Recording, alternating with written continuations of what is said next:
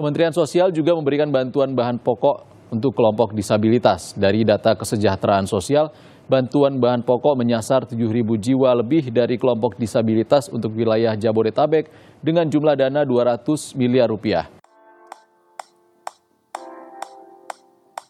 Selamat datang di Ide Ekonomi. Sebuah platform informasi mengenai isu ekonomi dengan sumber yang kredibel dan bahasa yang mudah dimengerti. Pantau terus sosial media kami di @idekonomi_id.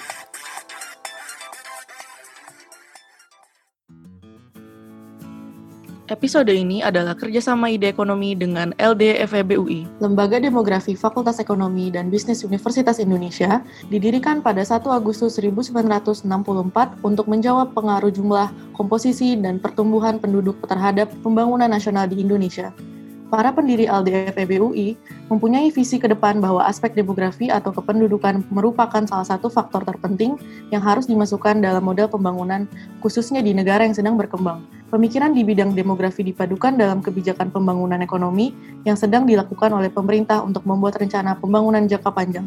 Halo, selamat datang ide listeners. Kembali lagi di podcast Ide Ekonomi bersama saya Rahma yang akan memandu episode kali ini. Di episode ke-20 ini, kita masih akan kembali membahas isu yang berkaitan dengan COVID-19 pandemic tentang satu aspek yang masih kerap terlupakan.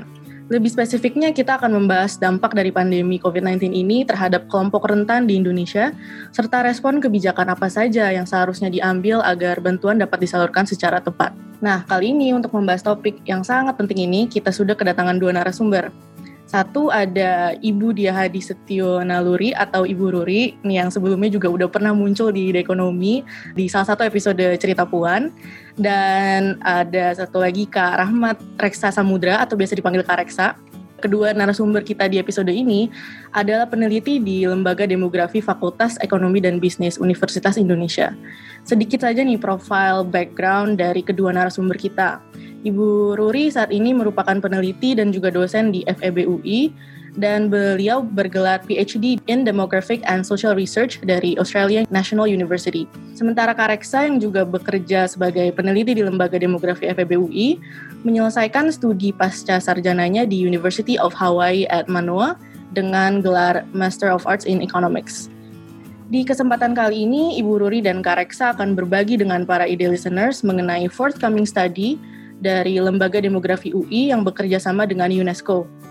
Studi yang Ibu Ruri dan Kareksa tulis ini berjudul Inequitable Impact of COVID-19 in Indonesia, Evidence and Policy Response, yang berisi kajian dan data yang sangat insightful dan memberikan kita sedikit gambaran tentang bagaimana pandemi COVID-19 ini memberikan dampak yang tidak sama terhadap kelompok rentan atau marginalized groups di Indonesia. Without further ado, kita langsung aja nih ke pembahasan bersama Ibu Ruri dan Kak Reksa untuk mengupas lebih dalam tentang studi ini. Halo Ibu Ruri dan Kak Reksa, apa kabar? Halo, Halo Rahma. Senang ketemu kembali. Selamat datang Hai. di podcast Ide Ekonomi ya Bu Ruri dan Kak Reksa. Senang sekali nih akhirnya kita bisa berkesempatan untuk membahas topik yang sangat relevan ini. Nah kita nih langsung aja ke pertanyaan pertama seperti kita tahu dampak dari COVID-19 ini kan jelas dirasakan seluruh golongan tanpa memandang bulu ya. Jadi dari semua kalangan merasakan dampak negatifnya. Tapi apakah ada kelompok tertentu yang lebih rentan terdampak buruk atau bahkan sangat buruk dari pandemi ini? Dan jika ada siapa aja itu mereka?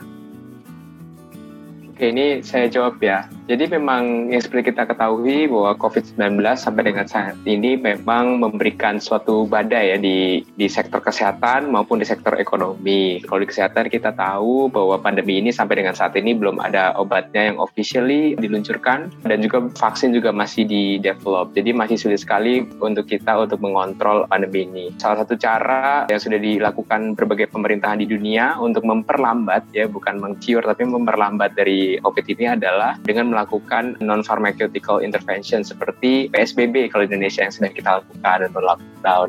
Nah, dari sebenarnya dari dampak COVID dan juga dikombinasi dengan PSBB ini kan kalau secara sosial ekonomi memang dampaknya sangat buruk dan negatif. Kita tahu bahwa banyak kelompok kelompok miskin, kelompok rentan itu mereka diprediksi akan akan jatuh lagi, lebih jatuh lagi ke dalam jurang kemiskinan. Bahkan ada seperti lembaga riset Semeru itu sudah memprediksi bahwa kira-kira tingkat kemiskinan tahun ini bisa mencapai 10 sampai 12 persen, tergantung nanti pertumbuhan ekonominya bagaimana. Nah, sebenarnya selain kelompok seperti kelompok miskin, rentan maupun UMKM yang sering disebut-sebut ya di media maupun di banyak kalangan pembuat kebijakan, ada setidaknya dua kelompok lainnya yang juga sangat rentan dari adanya COVID-19 ini lebih dari sangat rentan yaitu ternyata impact dari COVID-19 ke mereka ini itu bisa lebih parah dari kelompok lainnya. Dua kelompok tersebut adalah perempuan dan penyandang disabilitas seperti itu.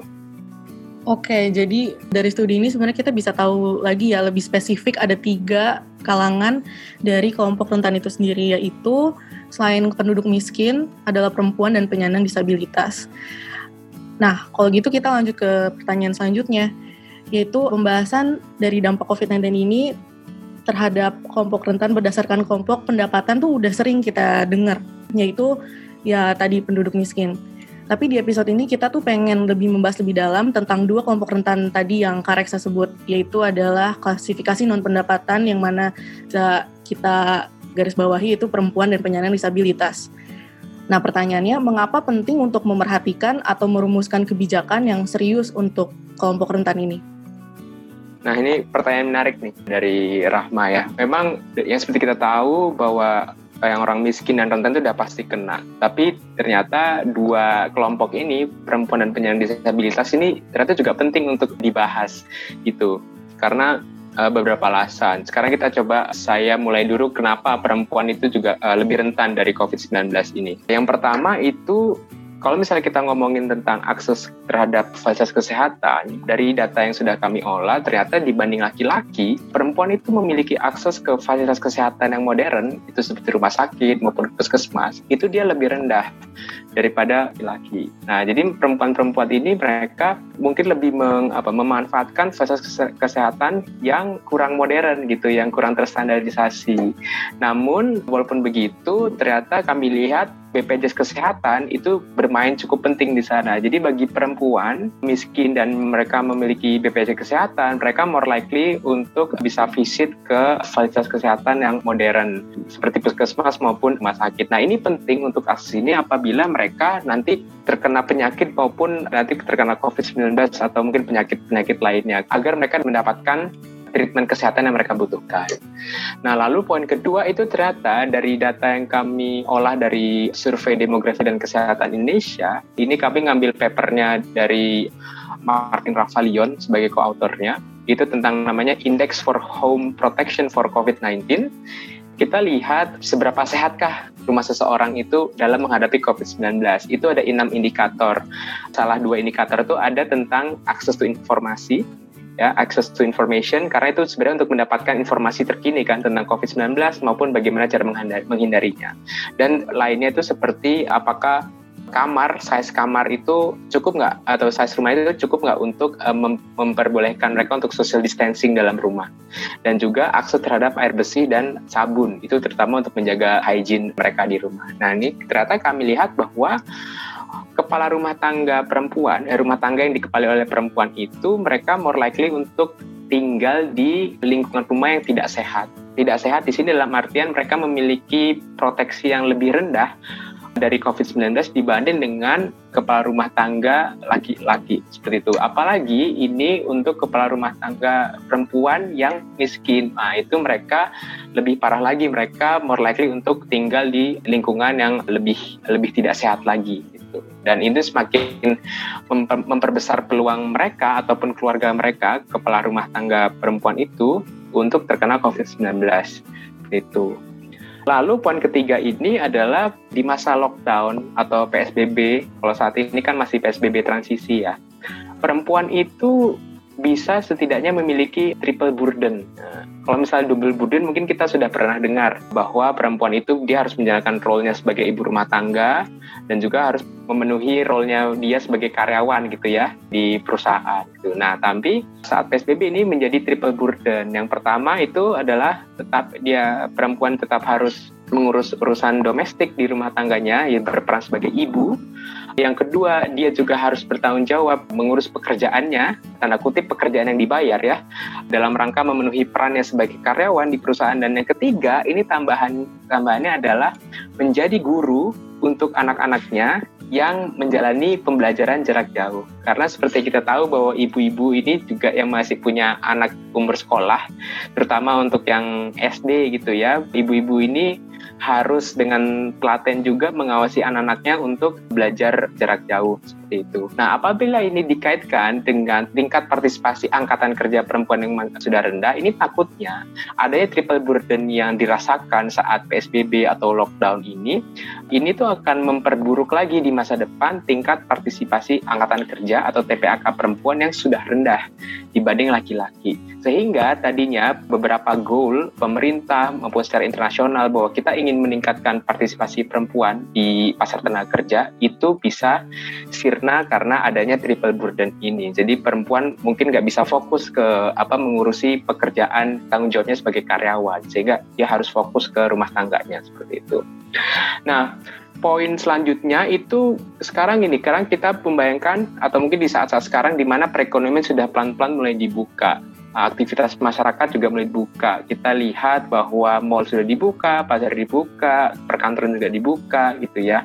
Nah, apabila bagi karyawan yang diharuskan untuk ke kantor, karyawan perempuan itu ternyata memiliki risiko terkena COVID-19 yang lebih tinggi daripada laki-laki. Nah, kenapa? Karena kalau di data kami ini menunjukkan bahwa perempuan yang harus pulang pergi ke kantor Nah, itu mereka lebih banyak proporsinya yang menggunakan transportasi umum dibandingkan dengan laki-laki gitu. Mungkin kalau laki-laki mereka more likely untuk menggunakan transportasi pribadi sesimpel naik motor sendiri. Gitu atau naik mobil. Sedangkan perempuan mereka dengan keterbatasan aset untuk bepergian ya mobilitas misalnya di dalam kota kita di Jakarta gitu ya dari rumah ke kantor mereka masih harus relying on public transportation seperti misalnya Transjakarta atau KRL segala macam. Nah, nah di saat proses mobilitas tersebut itu kan kita entah itu berdesakan ya atau bertemu dengan orang-orang asing yang kita juga nggak tahu apakah mereka orang tanpa gejala gitu ya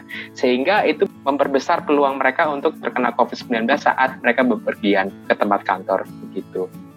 Nah, untuk pekerja yang perempuan juga itu mereka juga lebih apa ya, tinggi peluangnya untuk terpapar COVID-19 karena kebanyakan dari mereka itu bekerja di sektor kesehatan ya yang sudah pasti memiliki risiko terkena COVID-19 yang besar dan juga di sektor di mana sektor essential services jadi sektor-sektor jasa yang yang krusial untuk menyangga kegiatan sehari-hari. Nah, itu di saat lockdown atau PSBB itu pekerja-pekerja perempuan ini mereka tanda kutip mau nggak mau harus masuk gitu loh. Padahal lagi ada pandemi sehingga itu juga memperbesar peluang mereka atau risiko mereka untuk terkena COVID-19 seperti itu.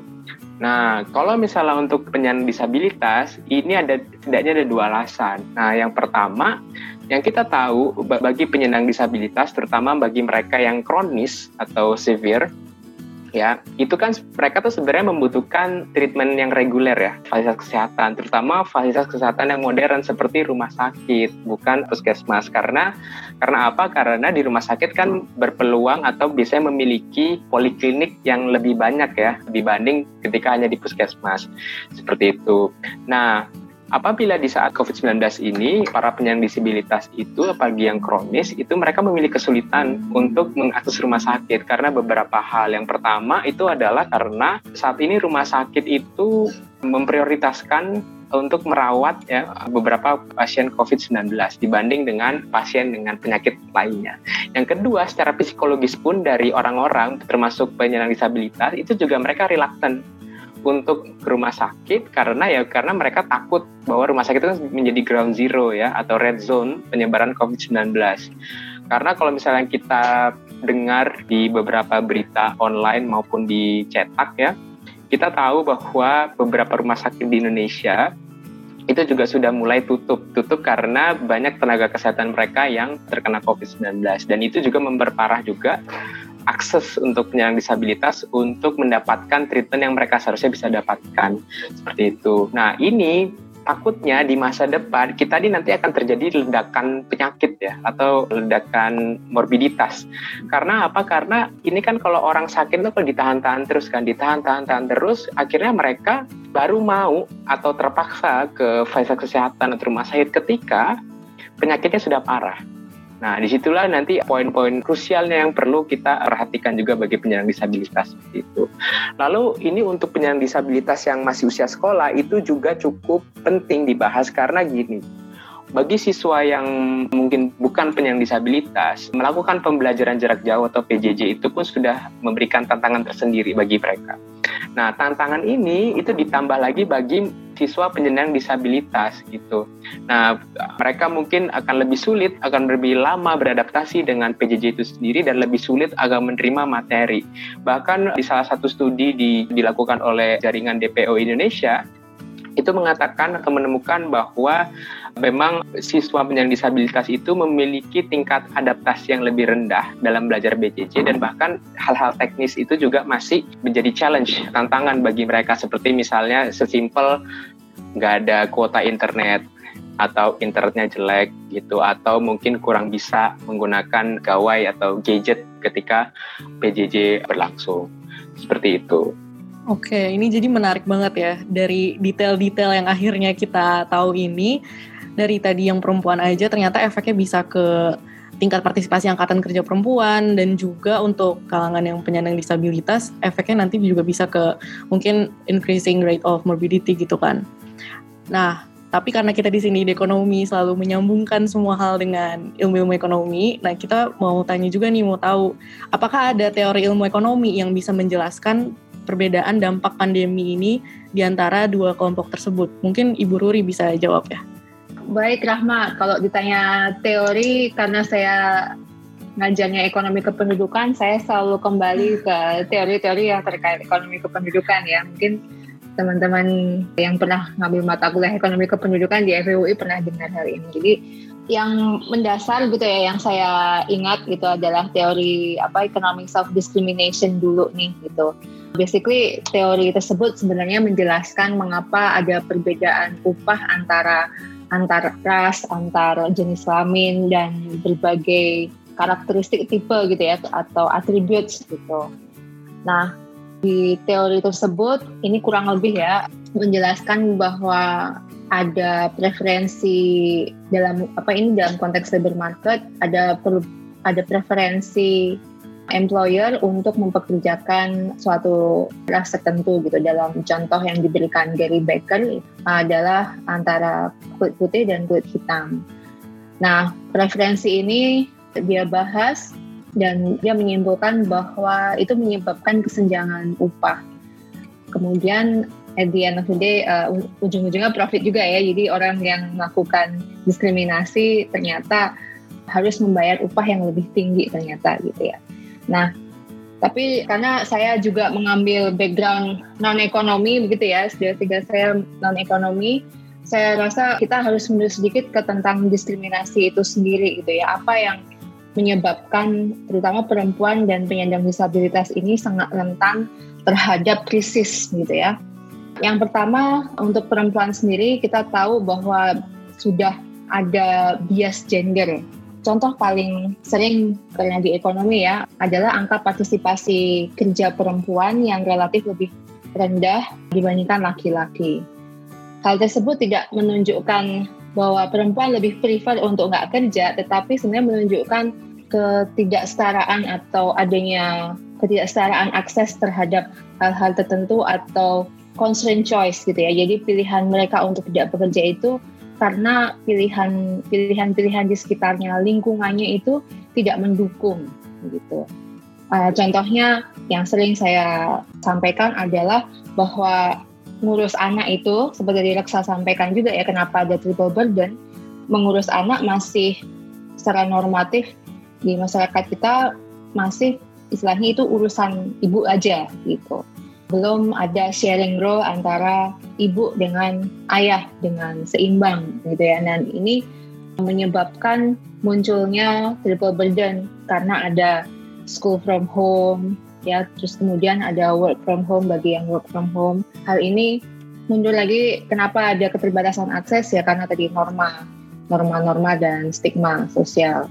Hal yang sama juga bisa dilihat dari untuk penyandang disabilitas ya stigma terhadap penyandang disabilitas itu kan sangat kental gitu. Hal ini menyebabkan keterbatasan akses bagi penyandang disabilitas untuk misalnya mengakses pendidikan, mengakses tadi yang saya sampaikan untuk fasilitas kesehatan, mereka sebenarnya membutuhkan intensive care gitu ya, tapi karena mobilitas terbatas, mereka tidak bisa mengakses intensive care tersebut. Yang perlu digarisbawahi adalah kalau penyandang disabilitas, ability, jadi kata dasar ability itu sebenarnya sangat ditentukan tidak hanya individual ability, tetapi juga lingkungan. Sekarang bayangkan kalau seseorang dengan keterbatasan mobilitas, ya misalnya ada disabilitas kaki gitu misalnya. Jadi dia terbatas mobilitasnya harus pakai kursi roda. Kita lihat di sekitar kita berapa fasilitas publik yang ada rem khusus buat kursi roda. Sangat terbatas kan? Misalnya ke sekolah nih, saya tinggal di Depok, ya di dekat rumah saya ada SLB, tetapi jalur masuk ke SLB itu cukup sulit kalau menurut saya kalau harus dilalui oleh kursi roda karena jalannya kurang rata dan segala macam. Nah, karena lingkungan yang tidak mendukung, tidak ada fasilitas yang mendukung, mereka menjadi disabled. Padahal harusnya kalau lingkungan mendukung, itu mereka able, able body. Mereka sama seperti kita. Mereka bisa produktif dan segala macam. Nah, jadi balik lagi ke teori ekonomi memang ngomongin tentang diskriminasi yang berdampak pada proses maksimisasi optimisasi tadi ya. Tapi yang kita juga harus out of the box gitu ya.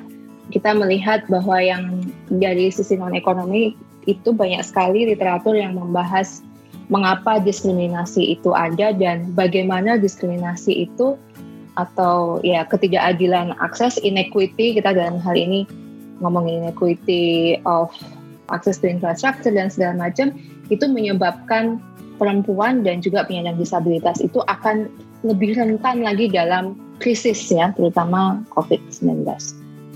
Baik, jadi memang banyak banget ya faktornya dan selain dari teori ekonomi sendiri, tadi yang seperti Bu Ruri jelaskan, memang kalau lihat dilihat dari kacamata sosiologi bisa dibilang tadi ya yang non ekonomi, ada gender bias, ada juga terbatasan akses itu, dan itu sangat challenging buat mereka. Nah, gara-gara tadi nyambung sama yang Ibu Ruri bahas nih kan tentang akses dan infrastruktur mungkin ya bisa dibilang. Ini kan yang provide adalah pemerintah. Dan itu juga sangat erat dengan kebijakan yang dikeluarkan pemerintah. Kita masuk ke pertanyaan selanjutnya nih, yang juga bagian dari studi Ibu Ruri dan Kareksa. Yang seperti kita tahu kan pemerintah juga telah mengalokasikan dana dari stimulus yang sama pandemik ini ya, untuk bantuan langsung tunai Nah, sebenarnya kebijakan apa aja yang udah pemerintah lakukan saat ini untuk meminimalisir dampak tersebut? Mungkin detailnya uh, Kak Reksa bisa jelaskan ya, uh, atau Bu Ruri? Ini coba saya ini dulu, saya coba jelaskan dulu ya. Saya mau menjawab tentang government response dulu sampai dengan saat ini. Nanti mungkin Bu Ruri bisa nanti nyambung ke rekomendasi dari kita, eh, dari studi yang sudah kita lakukan. Sampai saat ini memang pemerintah sudah banyak sekali melakukan effort yang menurut kami itu sudah on track effortnya ya. Effort itu dimulai dari Pak Presiden Joko Widodo meluncurkan peraturan Presiden nomor 23 tahun 2020 tentang program pemulihan ekonomi nasional. Nah dari situ banyak sekali di, di aturan tersebut kelompok-kelompok ditanggung atau dibantu oleh negara itu banyak sekali terutama untuk UMKM. Namun juga pemerintah juga sudah melakukan banyak bantuan seperti perluasan PKH, kartu sembako, banyak sekali. Sampai yang paling terakhir ini yang kita dengar ada semacam bantuan langsung tunai bagi pekerja untuk yang pendapatannya di bawah 5 juta rupiah per bulan. Dan juga ada banpres produktif, itu baru lagi, itu, itu yang terbaru lagi. Memberikan 2,4 juta rupiah bagi 9,1 juta micro and small enterprise ya, jadi usaha mikro dan kecil itu itu lamsam. Eh, dana desa juga pada akhirnya dikerahkan menjadi bantuan langsung tunai dana desa itu dialokasikan langsung dari dana desa. Nah, dari pemerintah sendiri untuk kelompok-kelompok yang kami sebutkan tadi perempuan dan penyandang disabilitas, sebenarnya Ibu Sri Mulyani sendiri memang sudah mengatakan bahwa pemerintah itu sudah sudah mulai bergerak untuk selain kelompok-kelompok yang sudah di cover di uh, UMKM ya maupun juga kelompok miskin dan rentan, sekarang pemerintah juga sudah mulai untuk aiming the policy for women dan juga penyandang disabilitas. Seperti itu. Seperti contohnya kemarin memang Kementerian Sosial itu sudah mulai memberikan bantuan secara spesifik bagi penyandang disabilitas seperti itu. Namun memang pada saat ini jumlah uangnya juga masih terbatas yang dibantu dan juga coveragenya masih sangat terbatas juga bagi penyandang disabilitas yang tinggal di panti dan biasanya mereka yang memiliki penyakit kronis seperti itu. Ibu Luri mau menambahkan Baik, saya menambahkan saja. Jadi pakat dengan Leksa. Jadi mungkin teman-teman ide ekonomi juga sudah lihat berbagai kebijakan sudah di roll out ya. Dan saya menyaksikan, maksudnya terutama justru Sri ya karena kita ngomongin ekonomi ya. Beliau beberapa kali menggarisbawahi pentingnya melihat perempuan karena kontribusi perempuan dalam perekonomian sangat uh, signifikan dan juga beliau juga menyebutkan kelompok-kelompok rentan termasuk penyandang disabilitas. Jadi sudah banyak dan seperti yang Reksa tadi sampaikan, kalau boleh saya bilang paket-paket kebijakan gitu ya yang mendukung kedua kelompok tersebut, terutama yang kelompok miskin dan rentan, itu sebelum COVID pun pemerintah juga sudah memiliki bantuan sosial bagi perempuan kelompok miskin dan juga penyandang disabilitas. Memang kalau ngomongin bagaimana kebijakan tersebut gitu ya, memang yang paling mendasar sebenarnya adalah soal data. Jadi dan juga kebijakan yang ada saat ini memang ya karena waktu yang sangat terbatas, resource terbatas gitu ya, dan istilahnya quote unquote yang perlu diberikan bantuan itu kan setiap hari bertambah gitu ya hitungannya itu udah bukan mingguan bulanan lagi tetapi setiap hari bertambah. Jadi ini praktek buat teman-teman ekonom banget nih ya. Kan kita maksimisasi ya kan? Kita resource terbatas tapi kita harus optimal gitu. Sayangnya memang yang paling mendasar adalah basis data ya. Kita semua sudah mengerti bahwa dalam tataran kebijakan pemerintah sangat concern dengan kelompok miskin dan rentan tetapi untuk menjangkau kelompok tersebut ternyata amunisi datanya itu sangat terbatas gitu. Nah, untuk misalnya untuk penyandang disabilitas sendiri, basis datanya dalam pengetahuan kami seperti Kementerian Sosial mereka memiliki basis data di DTKS namanya ya dan juga sebelum COVID mereka memiliki kebijakan-kebijakan seperti yang tadi saya sampaikan ada santunan untuk penyandang disabilitas berat gitu. Nah, tapi sementara itu belum ada atau belum sempat dilakukan upgrade atau ekspansi basis data untuk kelompok-kelompok tentang tersebut sehingga sekarang dalam tataran implementasi itu menjadi sangat sulit gitu. Nah, dalam studi ini kita lebih dalam rekomendasi kebijakannya lebih banyak fokus ke bagaimana membantu pemerintah untuk extend gitu ya, jadi untuk supaya bisa lebih kayak targeting gitu. Jadi kami sebagai orang yang di luar government gitu ya, mungkin gampang aja ngomong, tapi beberapa kali saya mengikuti dengan pendapat begitu ya, dan kita udah tahu bahwa resource kita terbatas gitu. Jadi sehingga harus mana yang harus menjadi prioritas. Nah di sini dalam rekomendasi kebijakan kami, kami propose untuk fokus ke terutama perempuan miskin dan juga penyandang disabilitas kelompok miskin. Memang itu sudah ada di basis data seperti DTKS, tetapi kan seperti saya bilang tadi, quote unquote mereka yang masuk ke dalam kemiskinan atau yang terdampak itu bertambah setiap hari sehingga perlu metode-metode baru gitu ya untuk supaya orang-orang ini masuk ke sistem. Nah, dari pengetahuan kami gitu ya, yang selama ini cara-cara yang dilakukan baik pemerintah atau yang diusulkan banyak institusi itu self registration dan segala macam itu sudah ada, tetapi mungkin yang belum dilakukan adalah bagaimana memanfaatkan institusi-institusi atau apa channel-channel yang ada di daerah remote gitu ya untuk membantu pendataan tersebut. Jadi yang kami rekomendasikan dalam hal ini Antara lain kita lihat mana sih institusi-institusi yang sebenarnya udah reaching out sampai ke level remote banget gitu ya. Mungkin teman-teman yang generasi sekarang udah lupa kali ya sama PT Pos gitu ya misalnya. Dulu saya sempat ngalamin ngirim surat gitu ya, masukin bersurat dan kantor-kantor mereka ini sampai ke wilayah-wilayah yang sangat remote. Nah ini sebenarnya sebuah potensi gitu ya untuk membantu pendataan karena mereka bisa reaching out sampai ke level area yang terkecil. Dan kemudian beberapa program bantuan sosial itu memiliki pendamping. Ini bisa dimanfaatkan untuk secara aktif um, melakukan pendaftaran bagi terutama kelompok-kelompok perempuan miskin dan juga penyandang disabilitas yang quote unquote baru masuk gitu ya ke kemiskinan karena COVID tersebut. Mungkin begitu kali ya.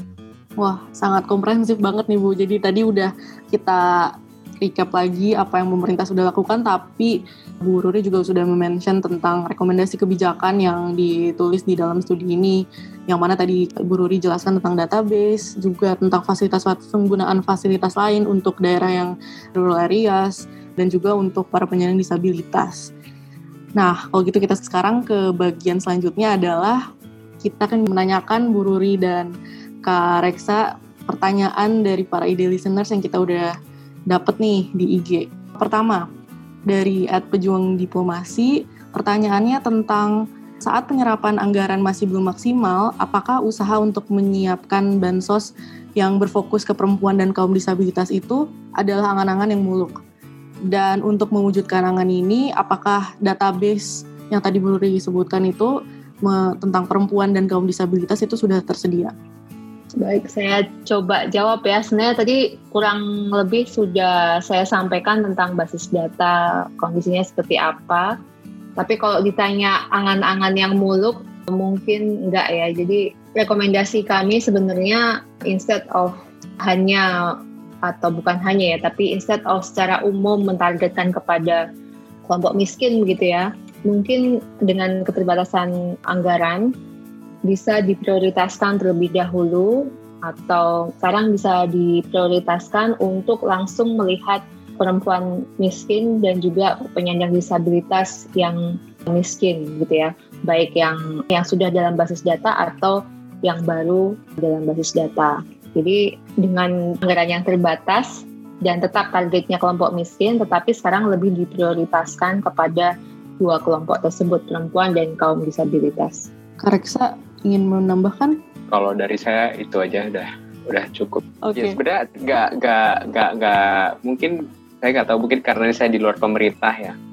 Yang yang lebih mudahnya kan memang kita sebenarnya bisa berangkat dari database yang sudah ada dulu aja. Karena kan butuhnya rapid dan juga langsung ya. Ya di situ mungkin bisa kita bisa dis, disagregasi langsung berdasarkan gender jika ada informasinya laki-laki perempuan ataupun apakah eh, ada informasi apakah rumah tangga tersebut ada penyandang disabilitas atau tidak sebenarnya kita bisa mulai dari database yang ada dulu baru mungkin nanti di masa depan ketika kita punya physical space yang cukup baru bisa kita uh, kembangkan lagi uh, database yang sudah kita miliki saat ini yang lebih spesifik informasinya gitu. Jadi lebih kaya sehingga mungkin untuk targeting beberapa program bantuan yang lebih spesifik kita tidak perlu repot-repot lagi gitu untuk melakukan tanda kutip assessment atau listing penerima manfaat yang baru seperti itu.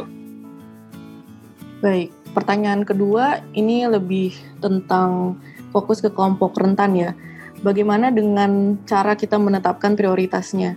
karena di ada juga kan yang ada overlap gitu dan ada juga kelompok yang rentan miskin dan juga perempuan jadi mungkin apakah Bu Ruri punya insight tentang ini? Ya kembali lagi seperti yang tadi saya sampaikan ya, jadi uh, dengan keterbatasan physical space kita diprioritaskan bahwa diprioritaskan kepada kelompok perempuan miskin dan juga penyandang disabilitas yang masuk dalam kelompok miskin.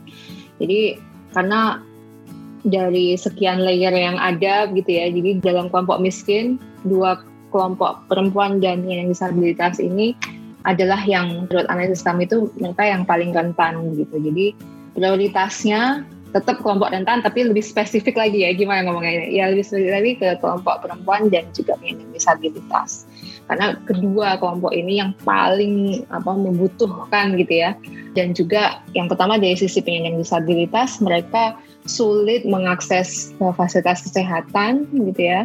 Dan dan juga kalau keluarganya terdampak biaya yang harusnya dialokasikan untuk untuk kesehatannya para penyandang disabilitas itu kan juga terdampak juga ya. Jadi mereka yang tadi yang Raksa sampaikan basis data yang sudah ada identifikasi di rumah tangga tersebut penyandang disabilitas yang membutuhkan intensive care begitu itu bisa diprioritaskan. Nah, untuk perempuan di analisis kami kan terlihat bahwa perempuan kepala keluarga, kepala rumah tangga itu juga memiliki burden yang cukup berat gitu ya. Kalau dia sebagai kepala keluarga kemudian kehilangan penghasilannya, ini kan tidak hanya terdampak pada perempuan sendiri tapi juga the whole family kena gitu ya. Nah, makanya mungkin untuk prioritas kembali lagi ke yang saya tadi sampaikan pertama, mungkin ke kelompok perempuan yang disabilitas yang rentan slash miskin gitu kali ya. Baik, tidak terasa nih kita udah ngobrol-ngobrol lebih dari 30 menit dan seperti di podcast ide ekonomi lainnya kita selalu mengakhiri dengan analogi. Sekarang kita langsung tanya aja tentang analogi dari policy approach agar lebih tepat sasaran. Nah kira-kira Kareksa atau Bu Ruri bisa dianalogikan seperti apa ya? Baik Bu Ruri, coba saya jawab ya Bu Ruri ya. Jadi analogi policy approach agar lebih tepat sasaran kepada kelompok yang paling memerlukan, yaitu penyandang disabilitas dan perempuan kelompok miskin ini ibarat ketika kita sedang mengobati luka. Misalnya, ada luka di ujung jari, tapi sebenarnya itu kan bikin semua telapak tangan terasa sakit. Nah itu kan sebenarnya menggambarkan adanya konektivitas atau jaringan di tubuh kita kan, di tangan kita. Nah, pengobatannya itu memang kita harus cukup fokus, tidak hanya mengobati semua bagian tangan tapi juga fokus ke yang bagian lukanya juga. Nah, implikasinya adalah seperti ini. Ketika kita memang ingin membuat suatu kebijakan, memang apa yang sudah dilakukan oleh pemerintah saat ini sudah baik. Itu sudah berusaha mengcover semua kelompok yang ada entah dari rumah tangga secara general, rumah tangga miskin, terus UMKM gitu ya, uh, maupun di kelompok pekerja. Tapi juga di dalam konteks paper yang kami tulis memang mungkin ke depannya itu juga bisa memperhatikan kelompok-kelompok yang tanda kutip mungkin agak termarginalkan di sini yang cukup detail sebenarnya mereka yaitu adalah penyandang disabilitas dan perempuan kelompok miskin seperti itu. Oke, menarik banget nih. Jadi memang kalau misalnya tadi dari tangan itu kita bisa lihat ada detail-detail yang mestinya perlu lebih diperhatikan, tapi sebenarnya itu akan efek ke semuanya dan secara keseluruhan. Jadinya kalau misalnya kita pengen benar-benar menangani semuanya, kita harus juga fokus ke detail-detail tersebut yang mana kalau di sini adalah kelompok disabilitas dan perempuan. Nah, oke, jadi kita bisa simpulkan aja sih dari pembahasan kita yang sangat menarik selama 40 menit tadi memang perlu masih ada improvement untuk kebijakan-kebijakan untuk mengadres masalah dan dampak negatif yang dirasakan oleh para kelompok rentan ya. Dan kita harapkan dengan adanya studi dan rekomendasi ini, kebijakan selanjutnya bisa lebih inklusif dan benar-benar bisa mengadres isu yang sangat mendesak ini. Sayang sekali karena keterbatasan waktu, kita harus mengakhiri perbincangan hari ini.